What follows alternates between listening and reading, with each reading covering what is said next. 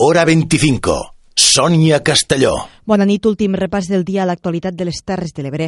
Després d'Amposta a Barcelona, la plataforma en defensa de l'Ebre ha confirmat que convocarà una gran manifestació a la ciutat comtal a finals de primavera o principis d'estiu per seguir cridant l'atenció de les institucions europees sobre els efectes que pot tenir en el Delta de l'Ebre el nou pla de Conca. La data de la manifestació es concretarà en la propera Assemblea General del Moviment d'Entitats Baixista Ebrenc, que es farà el dissabte 30 d'abril. La plataforma ha entregat esta tarda 9.000 signatures ciutadanes en contra del pla de Conca al síndic de Greuge, Rafael Ribó. Volen que les signatures serveixin per reforçar les accions del síndic contra el Pla de Conca. Matilde Font, portaveu de la plataforma, ha valorat positivament la reunió, diu que ha servit per compartir informació. Una mica li hem explicat eh, quina és la nostra estratègia i què és el que tenim pensat fer durant aquests mesos pròxims.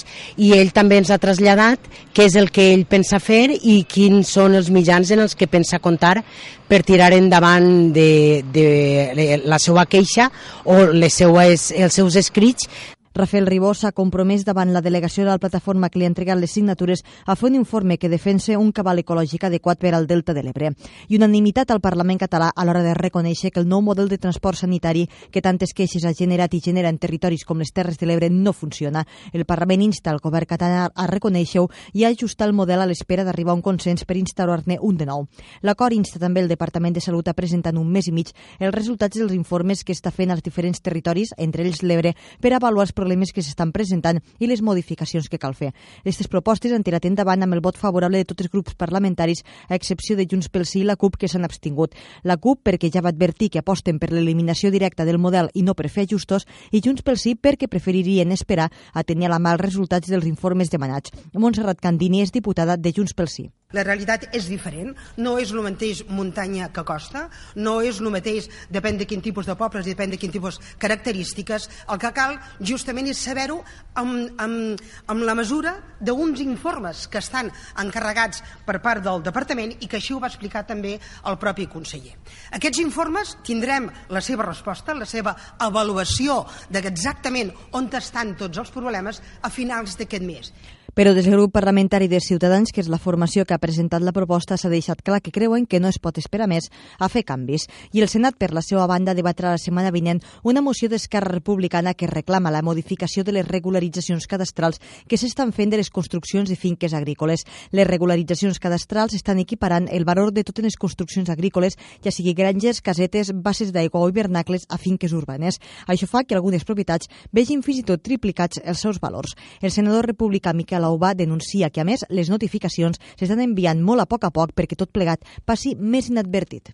Per tant, estan buscant eh, lo despiste i alguns dels països que no han comentat eh, dient a mi no m'ha arribat, mm, a mi no va això. I al cap de dos mesos, hòstia, li arriba i diu, hòstia, doncs a mi també, no? I és una mica la sensació que està, o sigui, si ho fem, fem-ho bé i tots alhora. Caseres, Horta de Sant Joan, Tortosa Benissanet són alguns dels municipis on ja han començat a arribar les cartes de regularització. Esquerra Republicana denuncia que estos increments de les valoracions cadastrals incrementen de forma fictícia la renda dels pagesos i ramaders. Això els fa perdre ajudes i, per tant, pot empenyar més gent a deixar l'activitat agrícola i ramadera. I la Generalitat ha oferit el seu suport jurídic, tècnic i fins i tot econòmic a l'Ajuntament de Deltebre per poder desencallar la situació del complex esportiu d'este municipi. Les instal·lacions esportives, que inclouen la piscina del pavelló poliesportiu, estan tancades des de setembre de 2014 per problemes amb l'empresa concessionària que s'havia d'encarregar de l'explotació. El secretari general de l'Esport, Gerard Figueres, que s'ha reunit avui amb l'alcalde de Deltebre, ha confirmat este compromís del govern català amb l'Ajuntament del Tebrenc. I per tancar, la CUP exigeix al govern català que aturi les gestions que pugui estar fent per ajudar a tirar endavant el projecte privat de construcció de tres assuts amb minicentrals hidroelèctriques al tram català de l'Ebre. Tal com va explicar esta emissora ara fa uns dies, el Consell Econòmic i Social de les Terres de l'Ebre va donar el mes passat el seu suport a este projecte de l'empresa Cercosa.